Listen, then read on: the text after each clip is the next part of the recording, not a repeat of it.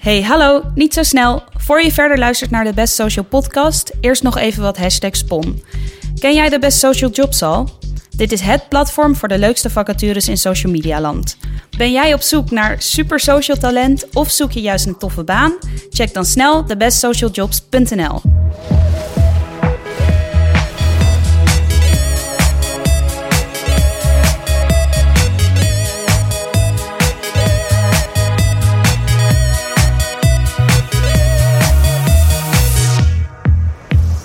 Hallo allemaal, welkom bij de zevende aflevering van de Best Social Podcast.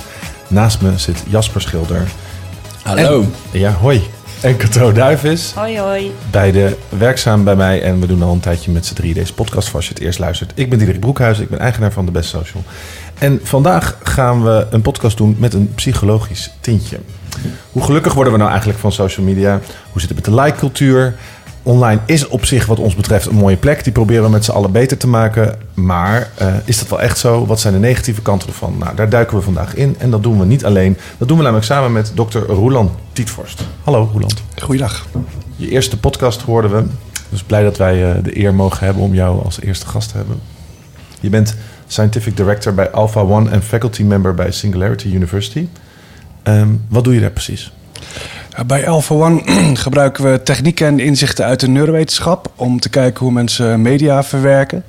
Ook om te begrijpen hoe mensen reageren op reclameboodschappen. Maar we doen ook heel veel onderzoek naar eh, social media. En waarom social media zo enorm sticky is. Dus eigenlijk een soort wat mensen bijna verslavend eh, gaan noemen. Ja. Daar zijn we een aantal studies mee lopen met de Erasmus Universiteit. En voor ons gewoon een heel interessant model om te kijken van ja, zij zijn enorm efficiënt om een soort heel intuïtieve flow en informatie te creëren. En dat is natuurlijk voor ons interessant om learnings op te doen. Van ja, waarom zijn ze zo extreem goed in, in verleidelijk zijn? Ja, kun je al een tipje van de sluier eh, geven? Hoe dat komt? Ja. ik denk dat het veel te maken heeft met het genotcentrum. En dat is ook iets wat vanuit ons vakgebied neuromarketing eh, een hele belangrijke rol speelt. Ehm, dus het genotcentrum, de nucleus accumbens. Je ziet bijvoorbeeld ook eh, bij gokverslavingen en andere verslavingen.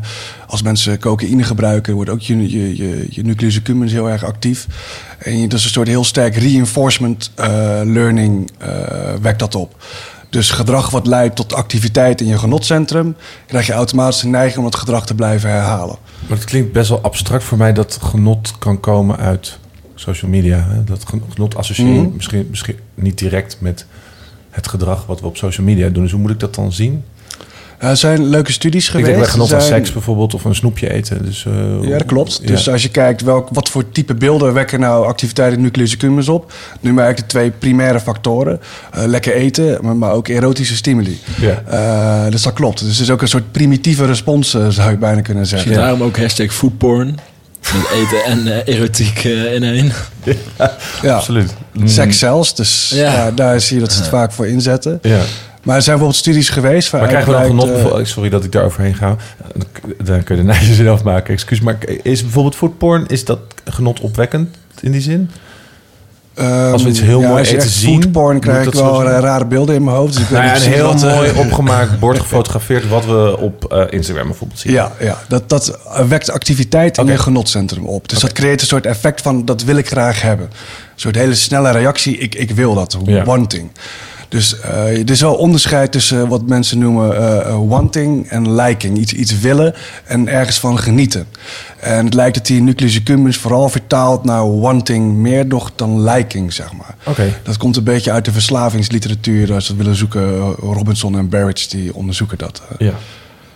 Maar dan heb je het er niet gehad over de behoefte die ook al wordt bevredigd, zeg maar.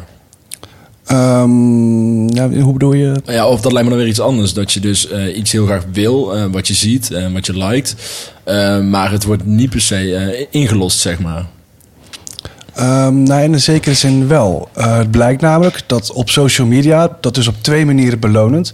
Het blijkt dat als mensen informatie over zichzelf delen, activeert het ook dat gebied. Dus mensen vinden het prettig om over zichzelf informatie te delen. Dat doen natuurlijk veel op social media. Maar er is ook een best wel spraakmakende studie geweest... waarbij eh, jongeren uitgenodigd zijn voor een hersenscanstudie. En voordat ze naar het lab gingen, eh, stuurden zij zelf foto's op naar het onderzoeksteam. En dat waren dan foto's die zij zeg maar typisch zou posten op Instagram en dat soort dergelijke. Toen Van ze, of ook de, dus de foodporn van eten en zo? Eh, er zaten allerlei foto's tussen. Ja, zeg maar gewoon normaal materiaal wat jij Ja. twittert of Ja, Instagram precies. of Snapchat, noem maar op. Dus die hebben ze opgestuurd naar het onderzoeksteam. En het onderzoeksteam heeft in de hersenscanner een soort eh, Instagram-platform nagebouwd. Dus zij kregen foto's te zien, ook die anderen ingestuurd hadden. En daaronder staan een aantal likes. Maar als er een foto voorbij kwam die zij zelf ingestuurd hadden, dat onderzoeksteam dat manipuleerde dan het aantal likes wat te zien was onder die foto. En dan vond je inderdaad de correlatie dat hoe meer likes op jouw foto, hoe meer activiteit in jouw genotcentrum. Ja, ja Ja. precies. Dus wat er gebeurd is. ehm, Het is natuurlijk, eh, dan gaat het weer over seks. Maar dat is dus te vergelijken wel met, met eh, bijvoorbeeld naar porno kijken. Dus eh, als je, dat is ook een stimulans natuurlijk via beeld. Eh, Ja. Als ik dan foodporn is, is wel ergens porn. Als, als die, dat werkt dus ergens hetzelfde qua stimulans. Er zit, En er zit een vergelijkbaar mechanisme achter. Dus Ja. je hebt ook mensen die zijn verslaafd aan porno kijken. Ja. ja. Ehm, maar er zijn nog wel meer redenen. Dus ook één is ehm, het feit sorry, dat je je telefoon in je hand hebt. Eh, en die koppeling, dus je bent deze beweging aan het maken. Je bent op die platforms aan het scrollen en aan het doen. en dan om de zoveel tijd komt er een beloningssignaal. Dus als iemand jouw berichten lijkt, is dat een soort sociaal compliment. Het is een soort Ja. schouderklopje. Dat betekent dat ik ga die informatie ook met mijn netwerk delen eigenlijk. Een soort endorsement eh, kun je zeggen. En Ja, dat, dat wekt een beloning Ja. op. En dat zorgt er eigenlijk voor automatisch al dat jij de neiging krijgt, eh, reflexmatig, automatisch, niet noodzakelijk bewust, van joh, ik ga weer proberen die beloningen terug te krijgen. Maar, maar zo is het dus een genotstimulans door een eh, lekkere foto te zien van andermans eten... als de genotstimulans van een foto van jezelf die wordt geliked. Ja, dat zijn dezelfde delen in het brein die daar een soort de waarde van coderen. zeg Ja, maar. juist. Ja. Ja, en die delen zijn dus ook betrokken. Die spelen een centrale rol bij gokverslavingen, Ja. eh, drugsverslavingen, eh, ander dwangmatig gedrag. En dat kun je onderzoeken door je hersenactiviteit op dat moment te meten. Als er dus likes binnenkomen. Dat is een beetje banaal voor mij. Ja, ja. ja. Ja. dat is heel simpel gezegd, is dat mogelijk, ja. Ja. Dus het zou misschien zelfs kunnen dat je met een hersenscan iemands gevoeligheid om verslaafd te raken aan social media een, soort schatting van kan maken. Wauw, wat interessant. En ehm, herken jij trouwens dit soort eh, genotsmomenten, Kato? Ehm, nou, ik zou zeggen, ik zou liegen als dat niet zo zou zijn. Want ik denk wel dat ik wel post om likes. En niet per se. Nou ja, je post niet om likes, maar ik herken wel dat ik blij word van likes in die zin dat ik eh, het leuk vind als. Maar ik deel vooral goed nieuws eigenlijk. En als mijn post vaak geliked wordt, dan merk ik wel dat ik dat leuk vind. Want waarom zou je anders posten? Ja, klopt. Maar wat je, ik vind het andere wel frappant, zeg maar, van dat, dat je van mooie dingen kijkt op je. Nou, verslaafd, maar ook dat je dat dat ook genot kan opleveren, zeg maar. Het, het, het scrollen door je timeline bijvoorbeeld. Dan toch, als je iets moois ziet. Ja, je- het Je is, ziet eerder inderdaad de likes helaas. Dat vind ik ook zo. Zelf heb ik daar het meeste moeite mee, zeg maar. Eh, Inderdaad, de, de constante interactiezucht die we zelf hebben als we dingen publiceren. Dat is bij ons nog dubbeler, want het is niet alleen voor onszelf, maar ook voor al het werk wat we doen en alle projecten waar we mee bezig zijn. Die zijn allemaal- te maken met die interactie. En ik vind die verslaving heel herkenbaar. Maar het genot van naar mooie dingen kijken, dat vind ik. Ik snap het, maar ik herken dat minder bij mezelf als een als verslavend element bijvoorbeeld. ja. Nou, iets, moet, iets is pas verslavend ook als je lichaam of je, je brein in ieder geval wel de koppeling kan leggen tussen het gedrag wat leidt tot die beloning. Maar Dus eh, als je af en toe iets moois tegenkomt en dat, dat wekt genot op. eh ja, er is niet een soort bepaald patroon in gedrag wat heeft geleid dat jij daar iets moois ziet staan. Dus dan wordt die koppeling die wordt niet automatisch versterkt. Maar het feit dat jij deze, die handeling aan het doen bent, met jouw hand, die telefoon in je hand, door die. Dat is wel het proces wat steeds tot die beloningen leidt. En dat slaat je brein wel op. Dus Ja, Ja. mijn idee over wat ik recentelijk bij mezelf ontdekt heb, of wat ik er dan denk ik verslavend aan vind en ook zo lastig soms aan het scrollen, is dat ik op zoek ben naar die bevestiging. Eh, en dat als ik die niet genoeg krijg van mijn timeline. Dus bijvoorbeeld inderdaad, ik heb zelf niks gepost, er zijn geen projecten die lopen. Ehm, dus ik ben eigenlijk meer verslaafd aan notificaties volgens mij en aan het doorlopen van je notificaties. En als dat allemaal stilvalt, Ja. dan voelt het alsof mijn leven stilvalt. Omdat mijn leven eh, qua werk zo verbonden is aan social media.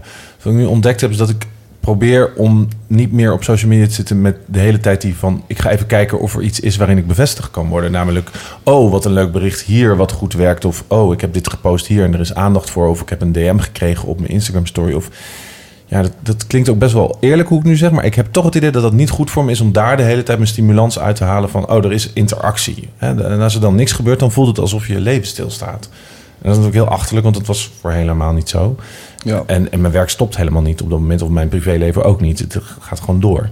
En nu zie ik het ook bijna als werk, omdat het werk is voor, voor ons om bezig te zijn met social media en met projecten. Dat ik het bijvoorbeeld prettig kan vinden om in het weekend het dan maar helemaal niet meer te doen. Omdat het voelt als werk om die bevestiging de hele tijd te krijgen. Ja, dus stel als jij op vakantie op een plek bent geweest met geen internetverbinding op je telefoon. Je komt na vier uur terug in het hotel en je ziet ja, eigenlijk nul eh, notificaties. Dan is dat een beetje een bammer.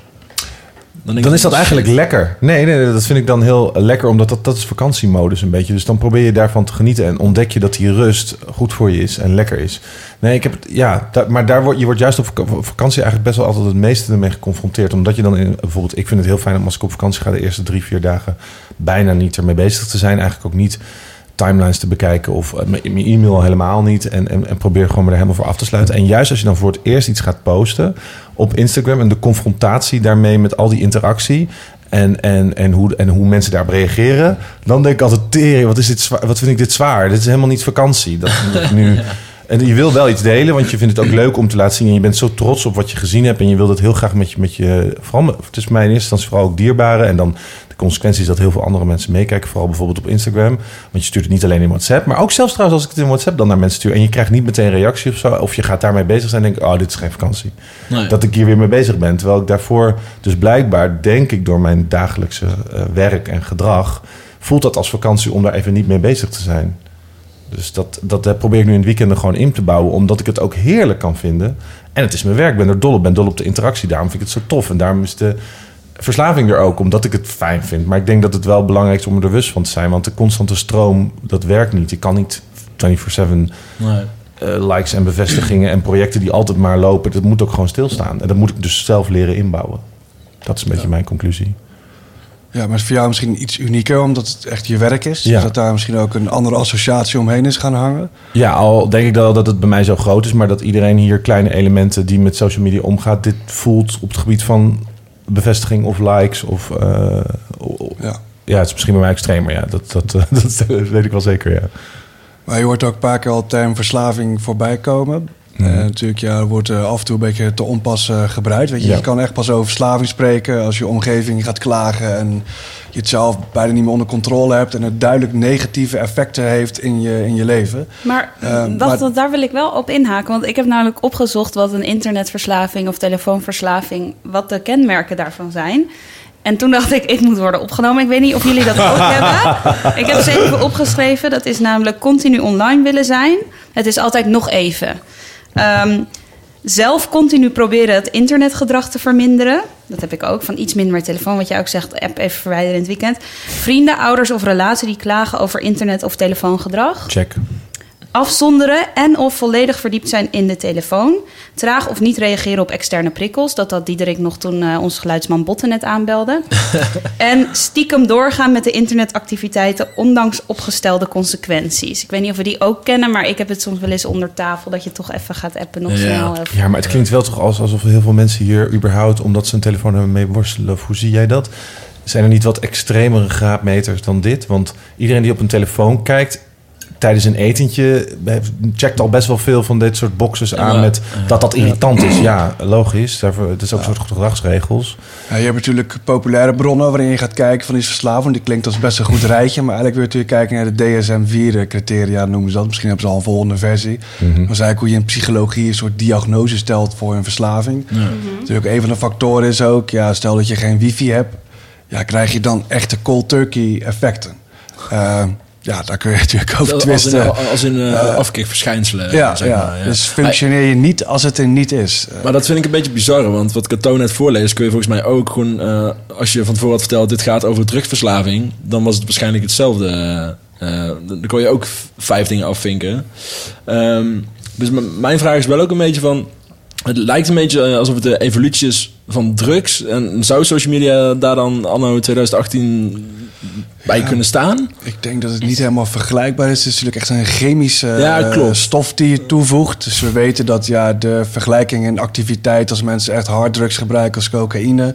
op je nucleus accumbens is niet, niet vergelijkbaar met social media. En op je Ja, ik heb fysieke... een tweet geplaatst. en echt op je fysieke... eh, ja, dus ik heb ook nog nooit gehoord dat iemand dat zijn wifi uit is, dat hij zijn portemonnee van zijn moeder gaat jatten om de wifi te kunnen betalen of dat soort Maar- praktijken. Dus- Maar de hoeveelheid tijd en energie die we erin steken is voor veel mensen denk ik vergelijkbaar met een, eh, een kleine drugs slash alcoholverslaving. eh, Er zit qua wel- tijd en energie toch? Klopt, maar wel belangrijke kanttekeningen. Het kost ook niets. Hè? Het is hoeft niet direct slecht voor je gezondheid. Nee. Het scrollen zelf kost geen geld. Ja, of Ja. je moet eh, met je 4G-verbonden je bundels op. Maar dan nog is het natuurlijk geen grote bedrag. Ja. Dus de kosten om bezig te zijn met social media zijn natuurlijk veel lager dan de andere praktijken. Gokverslavingen, drugsverslavingen, dat Ja. soort zaken. Ja. Nou, in het kader daarvan hebben wij ook eh, onze volgers op Instagram met een aantal stellingen geconfronteerd. Eh, Hoeveel stemmen waren er in in totaal? totaal bijna 30.000.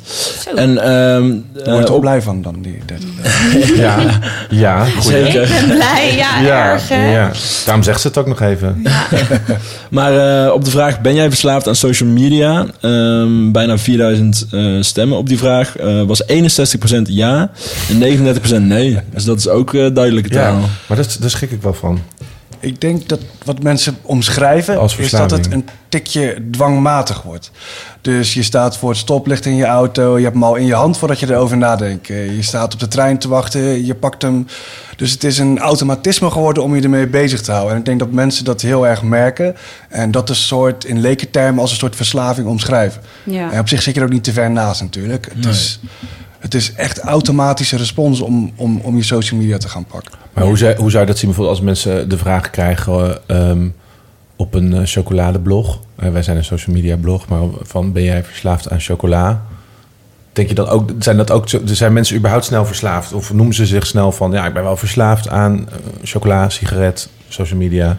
Dat ze dat best wel makkelijk in dat rijtje plaatsen? Of vind je dit ook wel opzienbarend dat zoveel mensen, meer dan de helft mensen, zichzelf al markeert als verslaafd? Dit is wel opmerkelijk. Ja. En dat zou je onder chocola eh, niet zien. Onder chocola is meer een soort grap, denk ik. Eh, ik ben Ja, verslaafd. precies, ja. Ik eet gewoon veel chocola, omdat Ja. ik het erg lekker vind. Ik ken wel echt Ja, iemand ja. die echt verslaafd is aan chocola, die daar ook echt moeite mee heeft. Nee, dat is niet een grapje. Dat is echt heel, ja, dat is best wel zwaar hoor. Die heeft daar ook helemaal met zijn partner helemaal afspraken over en zo, omdat het best wel extreme vormen aanneemt. Ja. Ja. Het is echt heel extreem. Maar natuurlijk ook qua dwangmatigheid zijn sommige mensen aan de gekste dingen verslaafd. Dus eh, lichtknopjes aan en uitzetten. Of dus Ja. als je meer over OCD-dingen gaat hebben. Ja. Dat heeft natuurlijk wel iets van weg. Maar er is er misschien een leuke studie geweest, ook die hierop eh, op aansluit. Eh, dat is, was een onderzoek in Duitsland. Dus mensen hebben een mobiele telefoon bij zich en die kregen op random tijdstippen een berichtje met de vraag. Dus de DNB aan een onderzoek. De vraag is dan: heb je in de afgelopen twee uur een verleiding gehad en heb je die verleiding ook weten te weerstaan? Eh, en uit dat onderzoek blijkt dat eh, eh, de verleiding om je op social media te begeven... was moeilijker om te weerstaan dan de verleiding om sigaretten te roken of alcohol te gaan drinken. En dan eh, ja, is het natuurlijk een heel opmerkelijk resultaat Ja. dat het zo sterk dwangmatig is. Eh, maar ook hier weer de kanttekening, ja, het kost ook. Nee, drempel En als je dat- Dus je iets kan lager. even... En ja, als je dat in de jaren negentig over tv had gevraagd, in de avond bijvoorbeeld, van hoe zwaar vinden mensen om hun tv weer eens uit te zetten? Ik denk een hele interessante vraag die je stelt. Hè. Dus het is vaak als er een nieuw eh, medium komt, eh, radio, eh, televisie en nu natuurlijk ineens de social media, Ja. is dat mensen zich even moeten gaan aanpassen. Eh, en moeten wennen aan de nieuwe situatie die er is. Ja. Ik kan me goed voorstellen dat dezelfde gesprekken die wij nu voeren over Ja. social media vrij vergelijkbaar zijn met de introductie van televisie. Ik weet nog dat mijn moeder eh, echt. ehm, ik werd zelf gek van het zappen bijvoorbeeld. En gewoon dat ik er heel naar van werd. Van gewoon lang zo, langs al die kanalen zappen. En elke keer niet, beve- ja, ook niet echt bevestiging vinden die ik dan zocht. Of iets heel leuks zag. Dat moeder zei, waarom spreek je niet met jezelf af dat we per week... dat je de leukste dingen die je wilde kijken... dat je die gaat onderstrepen in de gids. En dat je die in ieder geval mag kijken. En dat je de rest van de tijd andere dingen gaat doen die je leuker vindt. En dat werkte heel goed. Dus het had wel een beetje diezelfde... Het was ook een soort van ermee leren omgaan inderdaad. Eh, en dat Ja. is vaak zo met nieuwe technologie. Dat denk ik ook. Ehm, dus, en, en waarschijnlijk is het ook gewoon heel confronterend om te merken hoeveel we ermee bezig zijn. Maar er komen zijn waarschijnlijk andere dingen waar we minder mee bezig zijn, inderdaad. Ja. Ja. En, en ma- maak je je vanuit je vakgebied hier zorgen om? Of vinden jullie, dit, vinden jullie het überhaupt al zelf zorgelijk? Eh, Ik Hoe maak zie jij dat? een stuk minder zorgen om dan eh, het beeld wat eh, momenteel in de media aan het Ja. ontstaan is. Dus je ziet ook wel dat ook de wetenschappers zelf... Ik denk wel eens dat het veel makkelijker is om subsidie te krijgen voor je onderzoek. Om ergens de schadelijke effecten van Ja. te vinden. Dan om te laten zien effecten. eh, ja, hoe gaaf eh, Facebook eigenlijk Ja. is. Ja. Dus dat zie je natuurlijk ook, dat beeld ook met, met alcohol en drugs. Ja, je krijgt alleen maar geld om negatieve effecten bijna ergens van Ja. in kaart te brengen. En de positieve effecten worden dan vaak ook, gesponsord eh, door het ja. bedrijfsleven. En dan eh, eh, die studies die geloven ze dan niet meer, Ja. want het is gesponsord. Dus daar, daar is wel iets in scheve verhouding, denk ik. Ja. Uh, ik heb een aantal studies gelezen over depressief worden, bijvoorbeeld van, van Facebook. Uh, dus er is een bepaalde het groep. over Facebook of over social media in het algemeen? Uh, nou, deze studie ging specifiek over Facebook. Uh, daar kwam bijvoorbeeld uit dat het waren mensen die de neiging hebben om zichzelf met andere mensen te vergelijken. En het was eigenlijk alleen dat negatieve effect werd alleen bij die groep gevonden. Dus dat is een, uh, een modererend effect waar je dus rekening met. De andere groep werd niet depressief van Facebook. Ja. Uh, dus ja, als jij de neiging hebt om jezelf met andere mensen steeds te vergelijken en daar een soort zelfbeeld uithaalt, Ja. ja, dan kan je op Facebook natuurlijk uh, helemaal losgaan. En, Maar dat is hetzelfde als in een middelbare schoolklas of, of op een middelbare school. Dan vergelijk je jezelf ook met anderen als je Ah, het is heel herkenbaar dat als je bijvoorbeeld, uh, dat hoor ik ook veel van vrienden en dat heb ik zelf ook wel eens gehad, is echt gewoon een, je een kater, je hebt een, baaldag, of je voelt je niet helemaal lekker, je ligt op bed of je bent een beetje ziek. Als je dan bijvoorbeeld in de zomer je, je Instagram opent of je Facebook en je ziet dat iedereen uh, op boten zit, en dat is natuurlijk helemaal niet waar, want er zitten ook allemaal mensen die waarschijnlijk net zo'n kutdag hebben als jij, dan, dan vraag ik me toch af of dat te maken moet hebben met je vergelijkbare karakter. Of dat heel veel mensen daar gevoelig voor zijn om dan toch in een soort van negatieve spiraal te komen van damn, ik lig hier maar ziek te zijn. Ja, maar of op zo'n moment kan je toch ook bijvoorbeeld een kattenfilmpje zien waar je heel hard om moet lachen. Of een meme die je echt vrolijk maakt. Tuurlijk, ja. Dus ik denk ook, het kan ook een andere kant hebben. Dus je weer upliften, zeg maar. Zeker, zeker. Het is, maar het is vooral soms ook je eigen mindset en hoe je er naar kijkt inderdaad. Het is ook, het is goed denk ik om je daarvan bewust te zijn dat het vergelijken... Er is Ja. nooit iemand beter voor. Het is ook in je carrière heel slecht om alleen maar op te trekken aan de mensen om je heen bijvoorbeeld. Of wat doen zij. Het is eigenlijk altijd tip nummer één. Ehm, Ja, nou, het zijn ook leuke studies die ook weer hierop aansluiten wat je Ja. nu net zegt. Want jij zegt u net van eh, iedereen is op boot en allemaal leuke dingen aan het doen.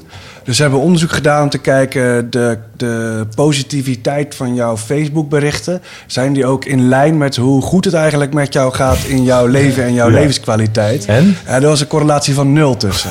Eh, dus het is wel een beetje een window dressing, Ja. eh, soort keeping up appearances Ja. eh, model wat je daar Klopt. doet. Maar dat, is- dat is natuurlijk ook heel menselijk om jezelf beetje te promoten en de leuke dingen te delen. Ze vonden overigens wel dat eh, als mensen negatieve dingen delen, dan had dat wel ook een reflectie in hun werkelijkheidssituatie in hun leven. Dus dan gebeurt er iets ergs, dat soort dingen.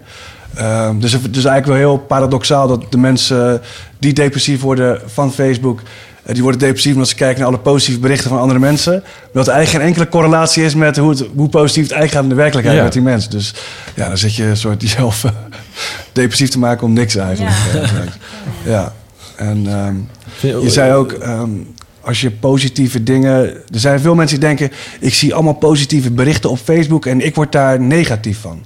Is dan niet zo. Ze hebben een gigantische studie gedaan, die ook heel controversieel is. Dus ze hebben bij 700.000 Facebook-gebruikers eh, de nieuwsfeed een tijd lang aangepast. Dus gefilterd op voornamelijk negatieve berichten of voornamelijk positieve berichten. Dus 350.000 mensen kregen positievere berichten en de anderen. En dan gingen ze kijken, is er een soort sprake van wat ze noemden emotional contagion, een soort emotionele besmetting op een, eh, eh, op een hele grote schaal online. Dus veel mensen denken als ik positieve berichten heb, ga ik zelf negatiever worden. Maar het bleek meer juist dat je elkaar aansteekt. Eh, dus als jij veel positieve berichten ontvangt, ga je ook zelf positievere berichten delen. Ja. Het effect was overigens super klein. Dus je hebt het geloof ik echt over minder dan een procent uplift dat jij zelf positiever gaat posten als jij Ja. voornamelijk positief. Dus bijna geen effect. Nee. Ja, met 700.000 man is natuurlijk je onderzoek al gauw significant. Ja. ja, precies. Ja. Zou je het eh, aan te raden vinden om, om, om daar eerlijker over te zijn? Of vind je het ook wel een soort van normaal dat we eh, positief nieuws met elkaar willen delen? En misschien sneller zeggen, oh, ik heb een huis gekocht dan eh, voel me kut. Ehm, nou, ik hoop dat iedereen Hoe zie lekker, jij dat? positieve dingen blijft delen. Dan zit je de hele dag met... Ja. dus ik denk dat, we, dat het best wel overeenkomt met eh, hoe we ook in het dagelijks leven met elkaar communiceren. Ja, maar stel als- Alleen daar leg je het vast. Dus het is wat, Ja. wat, wat explicieter. Wat, eh, Ja. Maar stel als ook social media voor sommige mensen een uitlaatklep is eh, om negatief nieuws te delen en waardoor ze zich daarop volgend weer positiever gaan voelen, dan kan het ook die kant op werken. Je kan me. natuurlijk troost krijgen, absoluut. Dus eh, dat zie je natuurlijk ook heel vaak. Mijn kat is overleden. Iedereen komt met lieve Ja, berichtjes precies. en dingen. Ja. Of, ja, dus ik zie ook gewoon een heleboel positieve effecten van dat soort platforms... om dat soort dingen eh, te delen. Ja. Doe je het zelf wel eens? Eh, ik zit voornamelijk op Twitter. Oké. Eh, Facebook doe ik ook wel. Maar voor mij is Twitter voornamelijk een, eh, een nieuwsbron. Dus je kan al die topwetenschappers uit de wereld die twitteren tegenwoordig. En ehm, ja, ik, ik vind het waanzinnig. Ik vind het echt supergoed. Het is echt een supergoeie bron. Dus je zit veel korter op de bal bij waar dingen gebeuren. Ja. En vanuit wetenschappelijk perspectief, ja, ik, je, je bent bijna gek als je, als je niet je eigen Twitterfeed gewoon op orde gaat krijgen, vind ik. Dus eh, diezelfde mensen die publiceren papers die anders pas eh, op een congres een jaar later of eh, drie jaar later in de literatuur voorkomen. Daar zie je nu al de discussies tussen die mensen op, op Twitter. Dus ja, ik vind het echt super. Ja, Eh, ik zit er ook best wel veel op, hoor, moet ik toegeven. Ja. Ja, het is natuurlijk ook courier. Ben jij verslaafd aan Twitter? Ja. Ehm, ik zit soms iets te veel op Twitter. Ehm, maar ik, ik krijg er gewoon genoeg voor terug. Dus Waarom ik heb vind je dat te eh, veel dus? Wa- Waar, waar ligt voor jou dat Ehm, gevoel? Nou, ik merk soms, eh, je hebt een eh, gezellig avondje, je bent een vrijdagavond, je zit lekker biertje drinken. Dat ik zelfs dan wel eens de neiging heb van, eh, ik even weg, even kijken. Notificaties checken. Of dan zie ik bijvoorbeeld iemand iets heel gaaf uh, paper over hersenscanstudie publiceren. En dan moet ik het toch eventjes gaan lezen of zo. Dus, Nou, je houdt in ieder geval echt van je vak. eh. Er is één ding die ik wel te veel doe. Dat is eigenlijk de ontwikkelingen rond eh, Trump eh, volgen. Ja. Dat deed ik vanaf het begin af aan al. En dan zie je al die bots en gekke praktijken. En volg je ook Trump zelf op dingen. Twitter? En, ja, ja dus dat, dat is wel eh, een kleine obsessie, denk ik. Dat zou wel iets is- moeten remmen. Het is ook Ja. best, maar dan, dat is best wel echt vermakelijk als je dan bij iedere tweet van Trump en dan zeg maar de meest gelikte tweets daaronder zijn meestal mensen die humoristisch de, de draak Ja. met hem steken. hè. En daar wordt weer dan door. eh, Ik moet, ik moet er vaak om lachen, maar mijn wereldbeeld wordt er niet heel positief Nee, van op het nee, moment, eh, nee, moet ik nee. zeggen. Ja, maar ik vind het ook vrij noodzakelijk dat we het wel blijven volgen. En het is ook de, de vermoeidheid is ook wel eng, zeg maar. Dat je denkt, ah, ik laat het links het liggen. gaat normaliseren. Dat ja, is een heel van, gek effect. Oh ja, Trump, ja, whatever. Kan ons het schelen. Ik denk dat het juist goed is dat we wel een bepaalde vorm van obsessie houden. Ik was ook helemaal geobsedeerd door de verkiezingen Trump. eh, Hillary. Ik weet nog dat ik echt dacht, maar wat is er met me gebeurd? Ik heb nog nooit voor een politiek onderwerp, vooral een buitenlands politiek onderwerp, zo op, obsessief zeg maar alles gevolgd. En toen, toen het uitkwam, hetzelfde met Brexit. Ik denk dat Brexit nog, nog erger was, zeg maar. Dat was ook een geweldig onderwerp. En ik smulde echt van de polls en alles. En toen, kwam, wacht ik bij, nou, nou ben ik er klaar mee. Maar ja, nu begint het pas. En, en als we dan nu juist afhaken, want het ook wel met social media. Je, je wil eigenlijk die negativiteit en al die, al die... Je wil het bijna niet lezen. Ja. Eh, je wil liever die positiviteit. Maar ehm, het is ook wel belangrijk dat we ons in ieder geval blijven verbazen. Net zoals dat er nu al genocides eh, eh, de eh, aan de orde van de dag zijn. Dat we hebben ook een soort neiging om daar inderdaad dan voor weg te lopen. Eh, Ja. Dat is best wel gevaarlijk eigenlijk. eh. Ja, het is wel eh, historisch, denk ik, wat er gebeurt. Er Ja. zijn natuurlijk ook verkiezingen, terwijl je een soort nieuw medialandschap nu ineens hebt. En sommige partijen hebben daar eh, handiger mee omgegaan dan andere partijen. ja. Ehm, maar ik merk bij mezelf, ik word er wel een beetje onrustig van. Het is wel echt, eh, het heeft wel impact wat er allemaal nu gebeurt. Ja. Ja. Ja, en ik heb ook tijden gehad dat ik, dat ik zelf er zo onrustig van werd... dat ik, dat ik er inderdaad mee vooraf moest sluiten. Ik Ja. denk ook dat dat gezond is, want je moet ook gewoon je leven kunnen leiden. Heel erg een balans maken. Precies. Hey, ehm, iets totaal anders. Eh, we hebben Cato weer op pad gestuurd... om wat quotes over het onderwerp van deze podcast eh, eh, te vergaren op straat. Ja. En eh, wil jij er nog iets over zeggen of gaan we gewoon luisteren? Nou, ik denk dat het voor zich spreekt, dus laten we gaan luisteren. Het gaat niet over Trump. Ik ga vandaag weer op pad en ik neem jullie mee naar de Kalverstraat in Amsterdam. Deze aflevering gaat over social media en het effect daarvan op de hersenen. Want wat doet social media nou met je en hoe dicht staat het bij de realiteit? Wat zijn de posts die jij plaatst op bijvoorbeeld Instagram? Uh, weerspiegelt dat echt jouzelf? Eigenlijk denk ik niet echt. Ik denk het niet echt. Ik denk dat ik op Instagram wel een beetje meer gewoon een beetje anders ben. Een beetje emotieloos op Instagram. Ja? Ja, ik, ik, ik, la, want ik, ben, ik, ben, ik ben een beetje een positief persoon, maar ik heb nooit foto's waar ik glimlach of iets. Ik ben super erg mezelf. Ik, ik, ik heb laatst, heb ik zelfs, omdat ik gauw was, heb ik gewoon een advertentie geplaatst op Instagram, op mijn story. Heb ik gezegd van, yo luister, ik ben een knappe gozer, ik heb al twaalf weken ge- geen seks gehad, weet je wel. Het is hoog nodig tijd om weer seks te hebben. En ik ben een knappe jongen, vind je me een leuke jongen, slide in mijn DM, weet je wel. Gewoon straight up heb ik gezegd, want dat is het nummer één, het nummer één voortplanting ding eh, op aarde, zeg maar. Snap je? Ik heb wel een paar reacties gehad, maar niet echt super serieuze reacties, helaas. Ik denk dat heel veel mensen bang zijn op die manier heel direct contact te zoeken, zeg maar. En ik ben een redelijk direct persoon, dus, dus voor sommige mensen is het heel moeilijk om daar, daar, daarom mee om te gaan, zeg maar. Maar dat begrijp ik ook volledig gewoon. Dat is, is geen probleem. En wat doet het nou met iemand als je veel of juist relatief weinig likes op je post krijgt? Hechten mensen daar eigenlijk veel waarde aan? Nee, ja, totaal niet. Ja, ik like mijn eigen foto's ook, dus ja, waarom niet? Dit is toch een foto die ik leuk vind, dus dan like ik hem toch zelf. Ik bedoel, ja, zal mij nou interesseren wat anderen ervan vinden. Natuurlijk is het leuk, maar ehm, ik krijg er geen kutdag van als ik maar eh, 20 likes op een foto krijg. Likes zijn likes, meer niet. Ah, je krijgt wel een uh, warm gevoel van binnen, maar eh, voor, de rest, voor de rest hecht ik er geen waarde aan of zo, weet je. En tot slot de grote vraag: word je nou gelukkig van social media? Nee, nou, het ligt er een beetje aan. Soms zeg maar, bijvoorbeeld met die likes of zo, als je er heel veel krijgt, dat is natuurlijk leuk. Maar soms heb ik ook wel eens iets van, alles wordt een beetje uit je verband gelukt en zo. Dan ook gewoon het perfecte plaatje of zo. Dat je op zo, ja, social media is toch altijd wel gewoon Ja, tuurlijk. de, de meisjes en zo. Instagram ja. is ook gewoon je soort van, nou, een soort van je visitekaartje, Ja. want dat ben jij gewoon. Ja. Ja. en je, ja, weet je, dan zeg je over jezelf zijn. Je bent wel jezelf, maar wel je mooiste zelf. Ja, zeg ja, maar. een soort van, je zou niet echt zomaar een onderkinfoto leven Nee, zelf nee. Nee, dus ik denk, ja. Ja, nou ja, social media. Soms dan denk je, ja, ik zou wel eens wakker willen worden en dan gewoon willen leven in de tijd dat alles via zo'n telefoonhokje gaat. Ik weet niet of je dit ooit Ja, hebt, maar het lijkt me best wel chill gewoon, omdat je dan niet... afleiding en zo. mensen dan, toch? Ja. Ik ben zelf ook best wel telefoonverslaafd, weet je. Ik Ja, WhatsApp ook. ook gewoon de hele dag door, maar Ja. soms dan denk je, als je, als ik, soms heb ik echt zo'n dag, dan denk ik, ik ga het even gewoon op vliegtuigstand zetten en dan vind ik het toch wel leuk om s'avonds mijn telefoon te Nou. openen en dan denk ik, woe, al deze mensen die hebben ik gewoon gewhatsappt. Ik denk dat het voor mij ook wel een beetje, ja, hoe, zeg je dat? Het heeft me wel een beetje verpest. Want ik kan nu zeg maar niet één ding tegelijk doen. Als ik een serie kijk, dan moet ik iets anders doen. Dan moet ik of op mijn telefoon zitten, of eten. Of Nou, ik denk, ik denk wel dat, dat social media mensen wel kan, gelukkig kan maken. Want als je over nadenkt, is, het, is, het is wel sociaal in een manier. En, en, en als mensen een beetje bang zijn om met mensen in contact te raken. En als je dan via internet wat een beetje wat, wat makkelijker is kunnen praten, dat is wel blij maakt. Maar maakt het jou ook gelukkig? Ehm, ja, de, zeg maar de likes en de, en de comments, dat denk ik niet. Maar, maar wat je erop kan vinden van, van leuke foto's of, of van eh, mooie schoenen of iets of eh, dingen, nieuwe dingen, dat maakt me wel blij.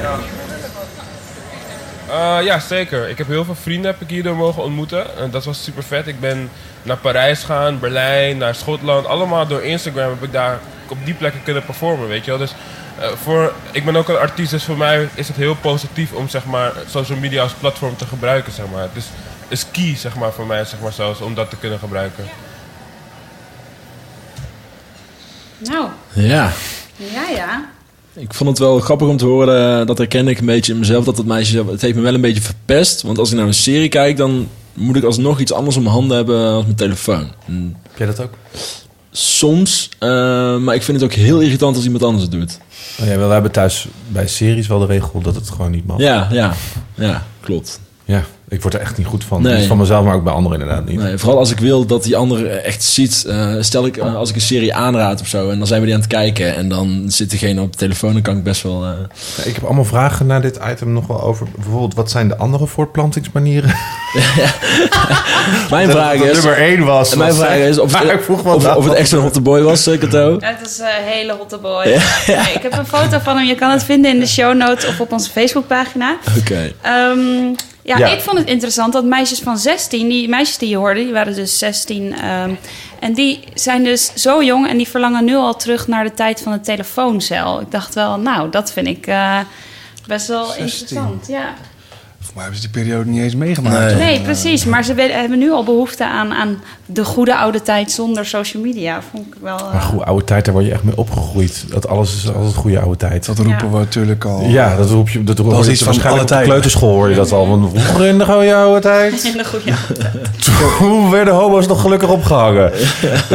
ik heb er echt weer zin in. Ehm, ja, er waren twee eh, thema's volgens mij in, eh, in, in je memo. Namelijk eh, blij van veel likes worden.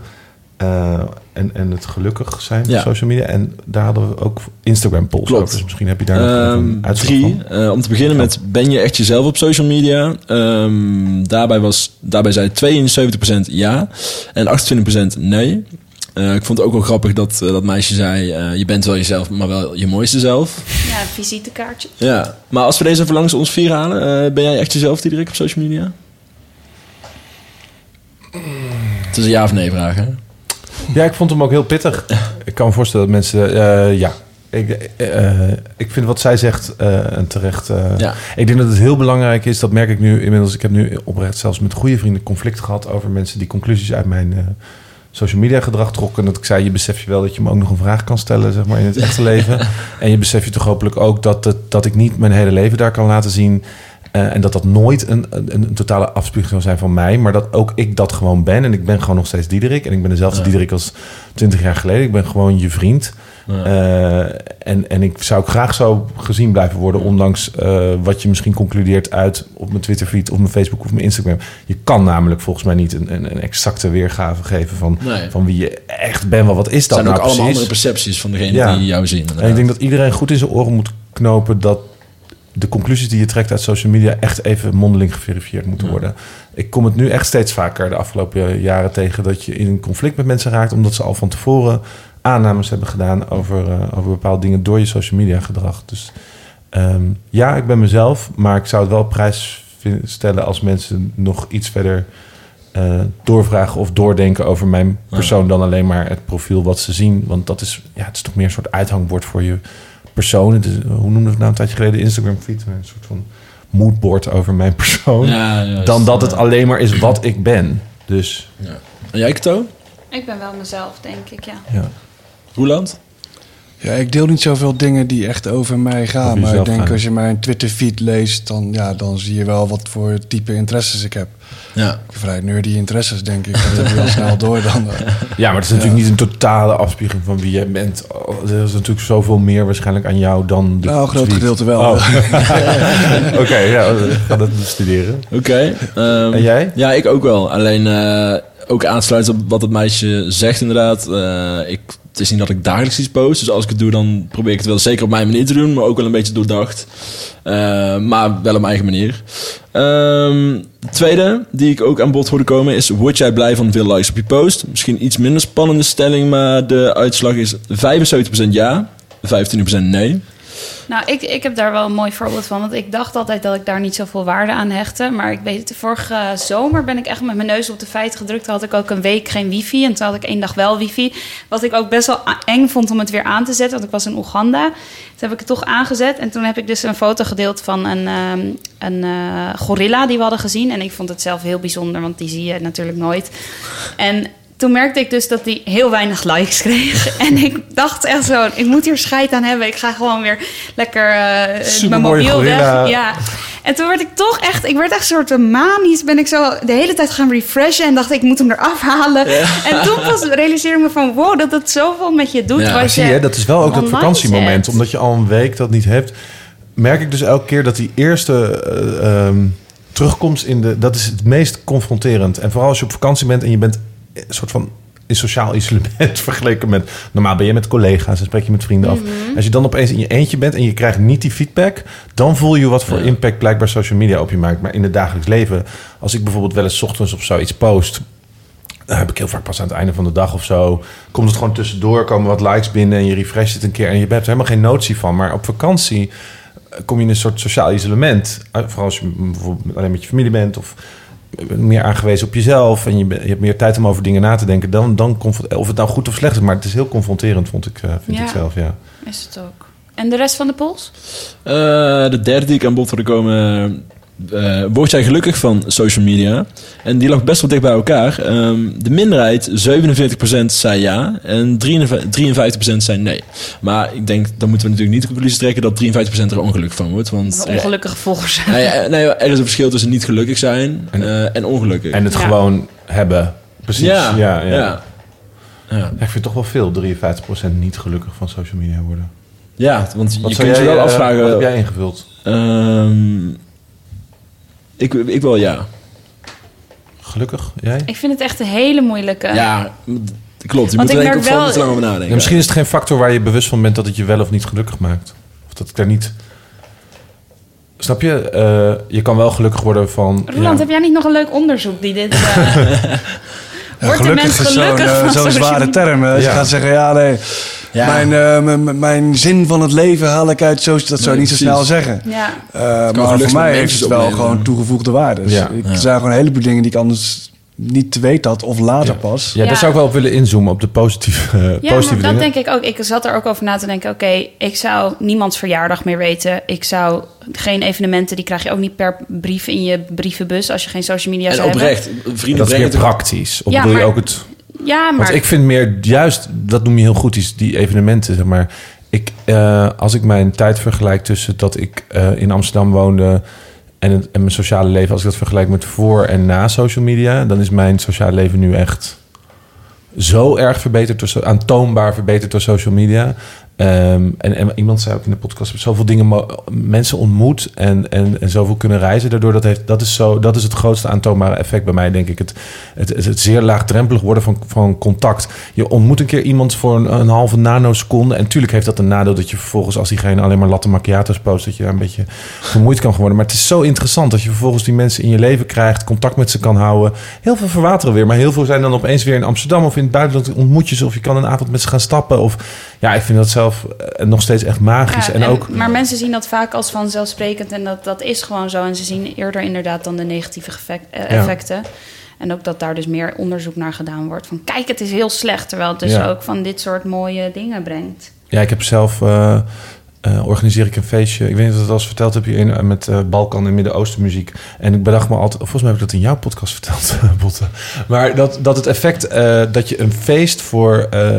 Eh, ehm, nou, de LGBT-scene. die zeg maar eh, van Midden-Oosten en Balkan muziek houdt. En dat je daar een event van op Facebook zet. En zonder dat we daar iets aan hebben gedaan dan wat mensen die ik kende, die toevallig Turks of Grieks waren of Sloveen, daarvoor uitgenodigd hebben. Daar komen nu eh, honderden mensen op af, omdat dat via Facebook zo makkelijk is van, oh, dat is interessant, dat is apart, dat is een niche. Zeg maar dat hele van soortgelijke mensen die ook van dat soort muziek houden. Ja, dus had ik me dan voor te stellen, hoe had ik dat gedaan zonder Facebook? Was ik dan, zeg maar, in een...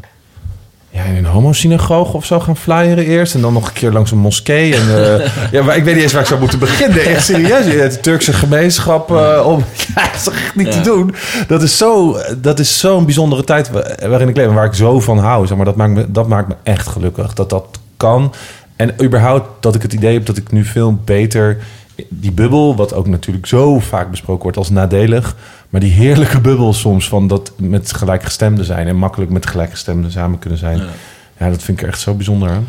Ik denk dat het ook wel belangrijk is. Wij komen allemaal uit de grote stad. En eh, wij kunnen onze clubjes wel vinden waar we uitsluiten, waar Ja. we aansluiting bij vinden. Maar voor veel mensen is dat natuurlijk niet zo. Als jij eens in een klein dorpje woont en, Ja. en, je, en je, je bent homo bijvoorbeeld. Maar misschien vind ik het daarom zo bijzonder dat ik uit dat kleine dorp kom. online Vinden, Ja, of je hebt precies. ergens last van. Of, eh, Ja. Dus voor dat soort mensen is het denk ik eh, heel laagdrempelig. Ja, het opent, dat mensen die een Maar dat heeft toch iedereen? Ook als je van, eh, van de eh, rechter eh, linksback, eh, linksbacks houdt uit Denemarken... van een bepaald voetbalteam... dan kun je daar ook gelijkgestemden voor vinden. Dus Ja. dat- ja. Wat wilde je nog zeggen? Ja, ja, ik heb ook al artikelen gelezen over mensen die zijn autistisch. Dus die hebben wat, wat meer, zijn wat meer eerder geremd in sociale interacties, worden gauw zenuwachtig van. Maar met social media heb je even wat meer tijd om je, je verhaal en je reactie. En je hebt niet iemand in de ogen, dus een stuk minder confronterend. En, en die, vind, ja, die, die kunnen daar veel van leren. En die hebben zo toch veel meer sociaal contact dan dat ze, dan dat ze anders zouden zijn- hebben. Ja. Dus voor veel groepen kan het ook helpen en drempels verlagen. Ja, ik denk dat dat woord social, zeg maar het sociale... dat dat voor mij het magische is, zeg maar. Ja. Ja. Dat het wat het sociaal maakt, dat, eh, qua gelijkgestemdheid... maar ook makkelijk contact met elkaar maken, makkelijk dingen initiëren... makkelijk dingen met elkaar... Maar het, eh, het kunnen ook zoveel kleinere dingen zijn. Dat als een vriend jou eh tagt en iets grappigs... en het brengt gewoon letterlijk op dat moment van vijf seconden een lach op je gezicht... dan ook in die kleine dingen zit het hem, denk ik. ja. Ja, dat Ja. vergeten mensen vaak. Ik kreeg nog wel een vraag binnen van, voor Roeland ook. Ehm, wat vind jij een mooi voorbeeld van gedragsverandering... dat via social media teweeg is gebracht? Oeh. Heb je daar een voorbeeld van? Is dat er?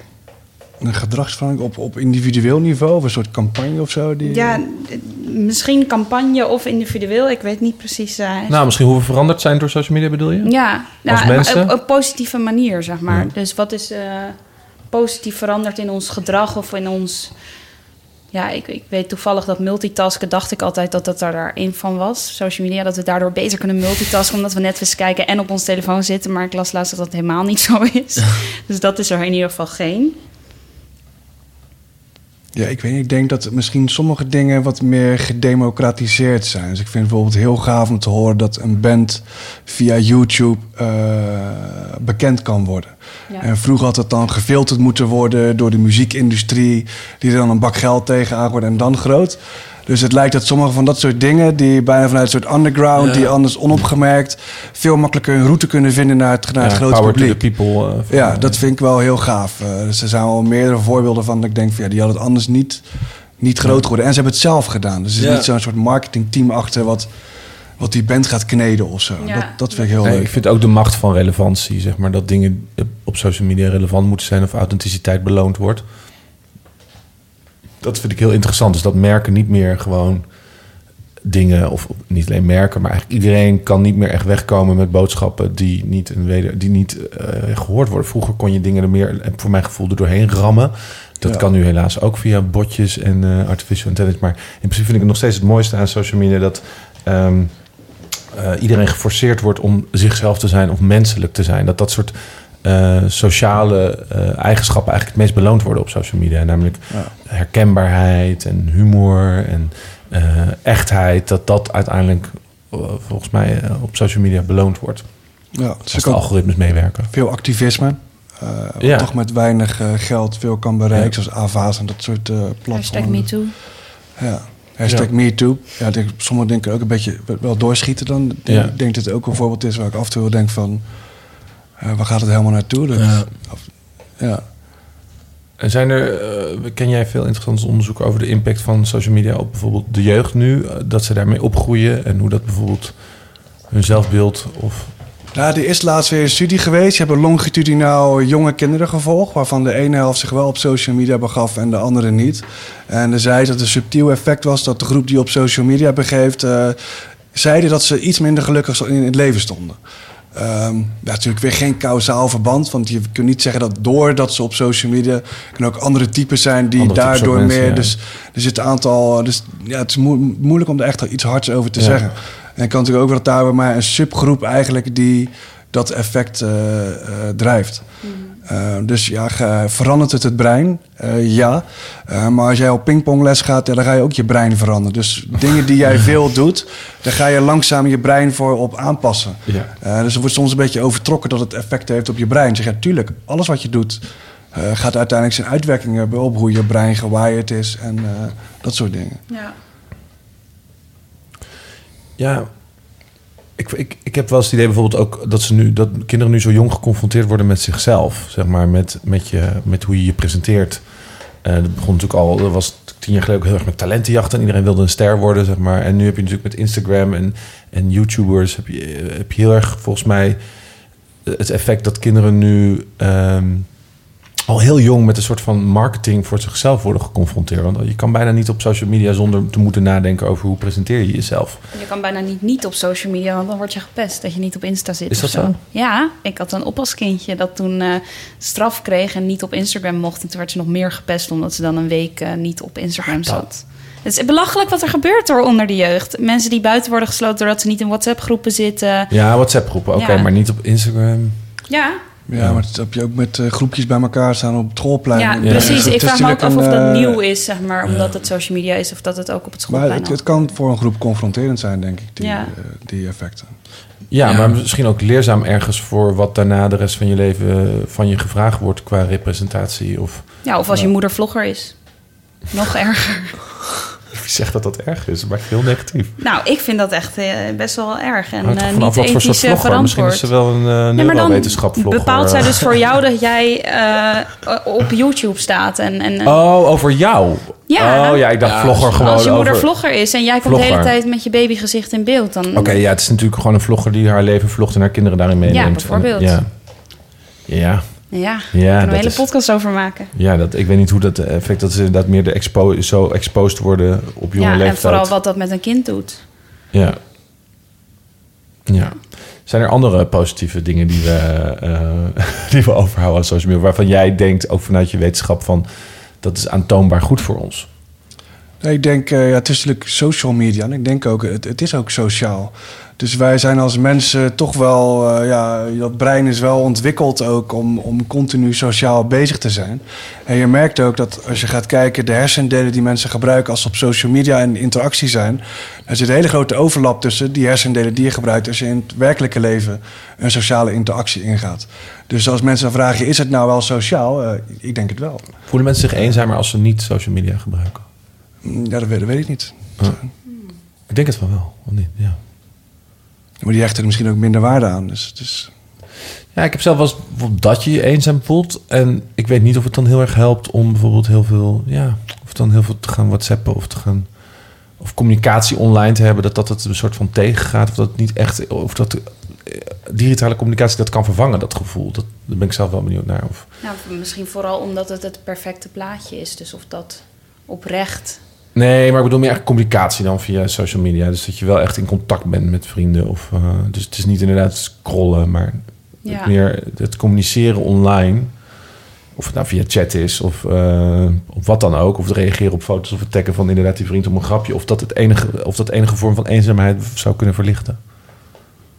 Dat vraag ik me wel eens af. Ja, ik vind het een tricky. Het kan gevoelsmatig zo echt twee kanten opwerken. Kijk, wat- wat je net, zei, wat je net zegt.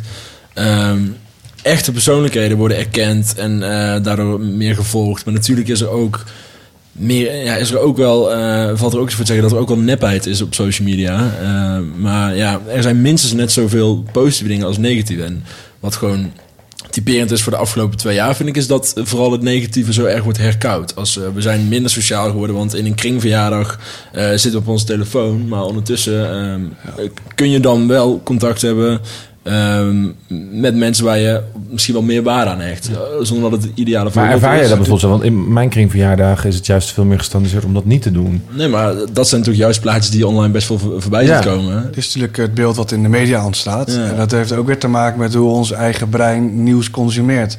Eh, dus negatief nieuws is groter nieuws dan positief nieuws. En Ja, eh, we juist. zijn toch een beetje eh, voorgeprogrammeerd om vooral die negatieve, alarmerende berichten te consumeren. Eh, dus ja, je ziet ook dat met het, met het klikken natuurlijk, kunnen iedereen die zich met media bezighoudt, kun je online nu veel beter traceren welke berichten snel opgepikt worden dan toen je vroeger nog hardcopy eh, media had. En daar zie je toch dat die clickbait-achtige titels en dat soort dingen, eh, dat ze heel snel leren wel- welk type bericht ga- gaat gedeeld worden en krijgt tractie. En dat zijn vaak negatieve berichten. En dat zie je ook op het nieuws of in andere. Ja. Of als jij de gemiddelde mensen op straat gaat vragen: is Nederland veiliger aan het worden? Dan denken eh, de helft dat het eh, heel slecht gaat. Ja. Terwijl als je de cijfers leest, ja, er je zijn minder berovingen, minder geweld. eh, Dus het gaat natuurlijk de goede kant op. Maar veel mensen hebben niet dat beeld. Ja. Eh, dat zie je ook terug over de nieuwsberichten over, over social media. Ja. die zijn eh buitensporig negatief als je het aan mij vraagt. Ja, ja. ja. En, en er is dus ook minder onderzoek naar de positieve effecten. En, Ja, daar zit veel minder belang bij om de positieve dingen te onderzoeken. Dat zou toch meer de platform zelf doen, of zoals het Ja. bedrijfsleven. Maar als jij op een universiteit werkt, of dit, ja, dan, krijg, dan is het toch makkelijker om de schadelijke effecten zijn dan relevanter om te onderzoeken dan eventueel positieve effecten, heb ik het idee in ieder geval. Gek is dat eigenlijk, want anders zouden we ons juist meer kunnen focussen op de positieve elementen en daar misschien meer te omhelzen. Ja, nou, ik denk dat je, dus je, je zult best wat papers kunnen vinden over Ja. bijvoorbeeld autisme of mensen met sociale fobieën die door social media als een soort therapievorm of Ja. zo daar veel aan hebben en uiteindelijk beter eh, uit de verf komen. En hoe zie jij ons zelfbeeld eh, ten opzichte van social media? Zeg Maar verandert dat denk je door social media? Ehm, worden we, is het? Nou, meer, ik denk in de vorm van hoe, hoe- worden we meer eh, zelf-obsessed, zeg maar, of narci- narcistischer door het gebruik Ja, van dat is natuurlijk media? eh, laatst ook eh, grootschalig weer in de media breedheid uitgemeten dat mensen die veel selfies nemen, dat die psychopathische trekjes vertonen. dat hebben ze in eh, surveys Ja, kunnen heb ik meten. ook gelezen. Ja. Dat ze En, een stuk ehm, narcistischer zijn ook. Maar dat dus betekent dan niet dat social media dat doet. Dan ga je die Toch? paper Of dus- was dat Ja, als je, door social als je media? selfies maakt om op, om op social te zetten. Ja, maar anders maakte diegene, dan deden ze andere dingen die na- narcistische trekjes hadden. Narcisme is natuurlijk zo oud als de kont van Christus. Dus, Mhm. oh, pardon. Maar, Het heeft te maken met narcisme. Dus de, als je de paper goed leest, dan Ja. ja. psychopathie. Dus weer echt eh, totaal doorgeslagen conclusie die door de media zo Ja. opgepikt wordt. Een van de schalen van psychopathie is narcisme. Mm. En als je veel foto's van jezelf post, ja, dan heb je natuurlijk iets meer, eh, ben je iets gekker op jezelf Ja. dan de gemiddelde bent. Dus dat komt dan uit Ja, de schaal. gekker over jezelf En- of juist, eh juist tegenovergestelde, juist... Op zoek naar de bevestiging. Op zoek naar de bevestiging, toch? Dat is, Ja, je bent in ieder geval veel met jezelf bezig. Ja.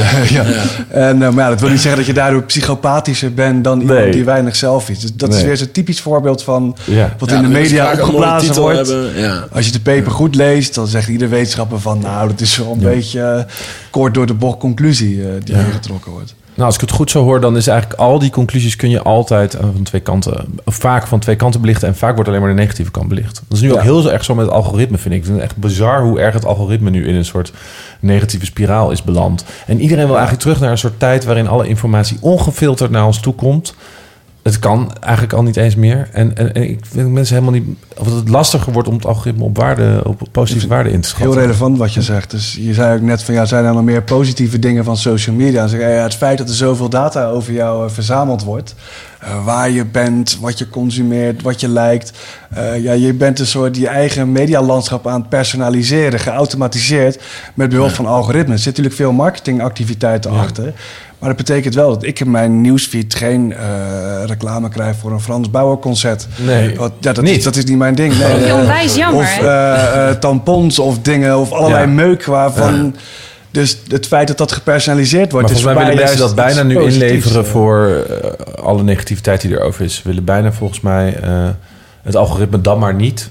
Als dat Ja. de consequentie Ja, heeft tot dat ook alles... onwetendheid. Het is natuurlijk altijd fuck Facebook. En, eh, Nou ja, het is natuurlijk dat een grote, steeds meer geworden, het is een grote machtige partij.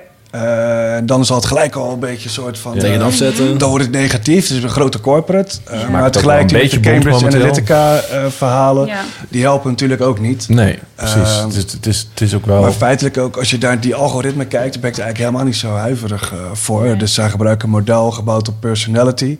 Er was eh, een paar jaar terug een paper uitgekomen van die Cambridge-onderzoeker. Die had gevonden met een machine learning techniek. 150 likes kun je heel precies jouw persoonlijkheid plotten. Maar om dat dan vervolgens te gebruiken om te kijken voor welke politieke boodschap jij gevoeliger bent. Dus je bent een Trump-aanhanger, hoog neurotisch. Oké, dan gaan we jou angstberichten sturen. Immigranten, verkrachtingen. Oh, je bent laag neurotisch, dan gaan we jou... Trump is een self-made man. Dus dan ga je ja, die base een beetje voeden met berichten die bij hun persoonlijkheid passen. Ja. Het effect daarvan is er misschien wel, maar ja, het is ook niet echt iets om van wakker te liggen. Er zijn voor mij veel betere manieren om die targeting te doen dan via jouw persoonlijkheidsmodel. Ik mis wel de tijd van het enthousiasme over het algoritme. Dat ik zelf voor het eerst inlogde op mijn... Dus de Last FM gebruikte ik vaak wat bijhield wat ik luisterde. En dat ik dan naar mijn recommendations keek. En dat alle muziek die daar stond, helemaal fantastisch vond. Ik dacht, ik hoef nooit meer zelf alle ellenlange... Ik was echt heel erg obsessief met gewoon nieuwe muziek vinden. Dus dan moet je heel veel luisteren voordat er iets tussen zit. En dit was gewoon meteen elke keer raak. Ik denk, oh, dit is fantastisch. En ik heb dat nog steeds... Dat algoritme is soms zo fantastisch op dit gebied, zeg maar. Dat je Ik, denkt, ik vind het heel grappig. Als ik Ja, naar mijn dat- kantoor naar huis, en je pakt je telefoon en je Google Map zeg je, ja, ik kan beter via de hele gouden laag gaan, kost je een kwartiertje. Die, eh, zij weet al waar Nu ik weg. ga, hij weet Ja. hoe laat het is, hij weet Ja. waar ik ben, wat ik ga doen. Ja. Ja. ik vind het zelf wel, ik vind het wel fantastisch. Heeft het niet heel veel te maken met, eh, je Spotify Discovery, eh, die wordt steeds Ja, beter. precies. Eh, dus ja, hoeveel nieuwe muziek heb ik al daardoor geconsumeerd? Ik, ja, veel beter dan de radio. Dan, eh, Wat voor mezelf heel vaak helpt, de balans tussen negatief en positiviteit, is het bewustzijn. En je daarover inlezen. En ik, ik heb recentelijk nog een, eh, we hadden een flinke discussie in mijn vriendengroep in de WhatsApp over het, eh, het- de Facebook-schandalen. En dan merk je gewoon dat mensen niet zich hebben ingelezen. En niet, eh, dan zegt iedereen, ja, ze luisteren ons af via de, microfoon. En, eh, en, en oké, maar eh, zoek even alle feiten op een rij, zeg maar, van wat er precies aan de hand is. Kijk wat je er zelf aan kan doen. Kijk wat er allemaal verzameld wordt. Download je Facebook-geschiedenis. dat kun je gewoon doen. Op facebook.com slash settings kun je je hele Facebook downloaden. Ga eens kijken wat je zelf allemaal aan Facebook hebt laten weten. Word daar bewust van en, en deal, deal daarmee, zeg maar. En maak daar je conclusies uit. En als dat inderdaad eh, fuck Facebook is of delete Facebook, prima. Maar het, het is heel vaak gebaseerd op een soort halve weetjes, een soort onderbuikgevoel. En dat vind ik wel eens heel jammer daaraan. Want daardoor ja, is de discussie ook niet heel makkelijk te voeren. Want niemand weet waar ze het echt precies over hebben. Van wat ze nou precies vergaren, wat ze ermee doen, waarom ze het doen. En het, eh, volgens mij wordt de discussie zoveel interessanter als iedereen hier bijna onderwijs over krijgt. Of in ieder geval zelf zichzelf onderwijst eh, over dit onderwerp. ja, nou, mensen lezen voornamelijk de headlines op dit soort vlakken. Ja, terwijl het zo'n belangrijk onderdeel van ons leven aan het worden is. eh, die algoritmes en, en, en, en, die, en die technologie daarachter en hoe we ons leven bepalen op basis van keuzes. Begonnen met de bonuskaart van Albert Heijn, zeg maar. Maar daar mogen we wel eens wat meer in verdiepen, denk ik. Want het beheerst ons leven. En het, het neigt nu heel erg allemaal naar, het is allemaal vreselijk en we gaan ten onder en dood. Gaan we überhaupt ooit? nou, misschien niet direct door Facebook. Nou, ik heb wel een vraag nog die ik wilde stellen. Ehm, is social media een gevalletje eh, geniet, maar doe het met mate of zo? Bestaat er ook iets als een overdosis social media, denk jij? Er zijn ontwikkelingen, dus in verslavingsklinieken zie je dat mediaverslaving een soort specialisme aan het worden is. Hoe groot het nou precies is en hoe serieus je dat moet nemen, ja, dat vind ik nog een beetje moeilijk om, om in te schatten. Ik denk het is een nieuw type media. Eh, we moeten met z'n allen weer eventjes een beetje aanpassen aan de nieuwe situatie. En dat zal wel over een tijdje weer wat, wat gaan normaliseren, eh, denk ik. Maar je ziet wel dat die social media platforms, Twitter, Facebook, die hebben zoveel data dat zij gewoon kleine tweaks kunnen doen en AB testen. En zij kijken natuurlijk, ja, hoeveel tijd spendeer je op het platform? En dat is natuurlijk hun, hun key performance Ja. indicator. Dus zij zijn door zoveel datastromen worden ze steeds effectiever om jou op het platform te houden. Hoe doen ze dat? Heb je daar concrete voorbeelden voor, behalve de rode eentjes die iedereen altijd weg wil hebben? De rode eentjes, ja, dat is een mooi voorbeeld. Ehm, er zijn bijvoorbeeld algoritmen die gaan zoeken wat voor type nieuwsberichten jij eh, op doorklikt. eh, en die jou actief houden op Facebook. En op dus daar worden die algoritmen worden daar bijvoorbeeld wel op, op, eh, op getriggerd, op, op getraind, zeg maar, om, om dat gedrag vast te houden. Mhm. En op Instagram is dat natuurlijk ook met stories die je het meest relevant vindt, die ze dan vooraan Ja, plaatsen. maar het zijn ook eh, berichten die in het begin snel veel likes krijgen. Die krijg jij eerder in jouw nieuwsfeed. Ja. Want daar hebben ze al van geleerd. Ja. Daar zit bepaalde nieuwswaarde en interactie eh, in. Ja. En we- jij moet er Ja. volgens mij eh, vandoor. We moeten überhaupt eh, Oké. volgens mij eh, bijna stoppen. Dus ik had nog een, een laatste vraag voor je. Heb jij nog tips of een laatste eh, wijsheid die je mee wil geven voor die algemene gelukkigheid of blij worden van social media? Van, is er iets wat je zou willen meegeven? Hoe geven we onze hersenen rust van social media? Ja, of hoe gaan we er beter Ja, het mee is om? natuurlijk typisch dat soms als iemand zeg maar stopt met Facebook of zo, is het meestal dat hij helemaal radicaal alles moet weggooien en afsluiten. dat is meestal het teken van ik heb het niet helemaal onder controle. En daarom ga ik. eh, dus hoe kun je die controle de- voor jezelf een beetje De eigenaar hanteren? van Tesla. Heb ik wel ergens wat tips gelezen, bijvoorbeeld eh, je, je nachtkastje en neem weer een normale wekker. Dus dat niet het eerste wat je ziet gelijk je, je notificaties en je dingen zijn op een dag en het laatste. Eh, je kunt voor jezelf afspreken als het te veel afleiding hebt. Ik doe eh, na de lunch een moment waarop ik notificaties ga verwerken. eh, na het avondeten. Dus dat je dat op bepaalde tijdstippen doet. Waardoor je dat, dat automatisme gaat, gaat verlagen. Ik denk dat je daar al behoorlijke stappen mee, mee zet. Ja.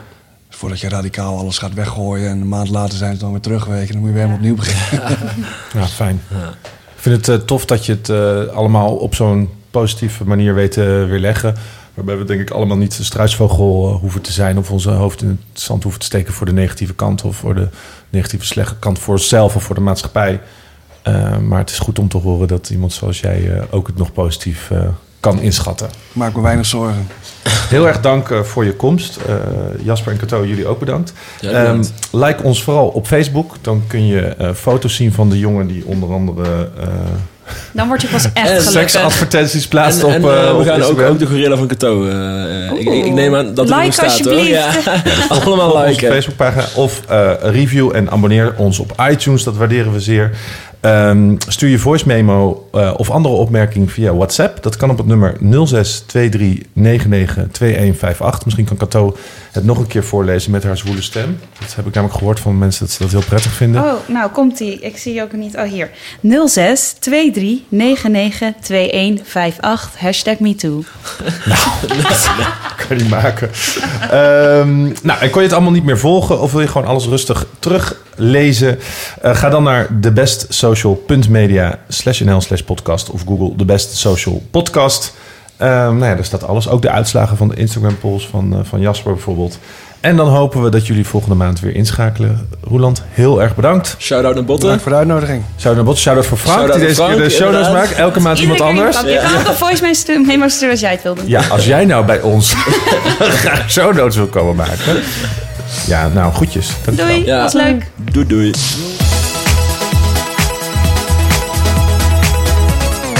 Deze podcast wordt mede mogelijk gemaakt door Cousteau. marktleider in social media monitoring, webcare en publishing software. Wij gebruiken Cousteau om de parels en viral content op social media te vinden voor ons blog De Beste Social Media. Wil je meer weten over Cousteau? Ga naar www.cousteau.com.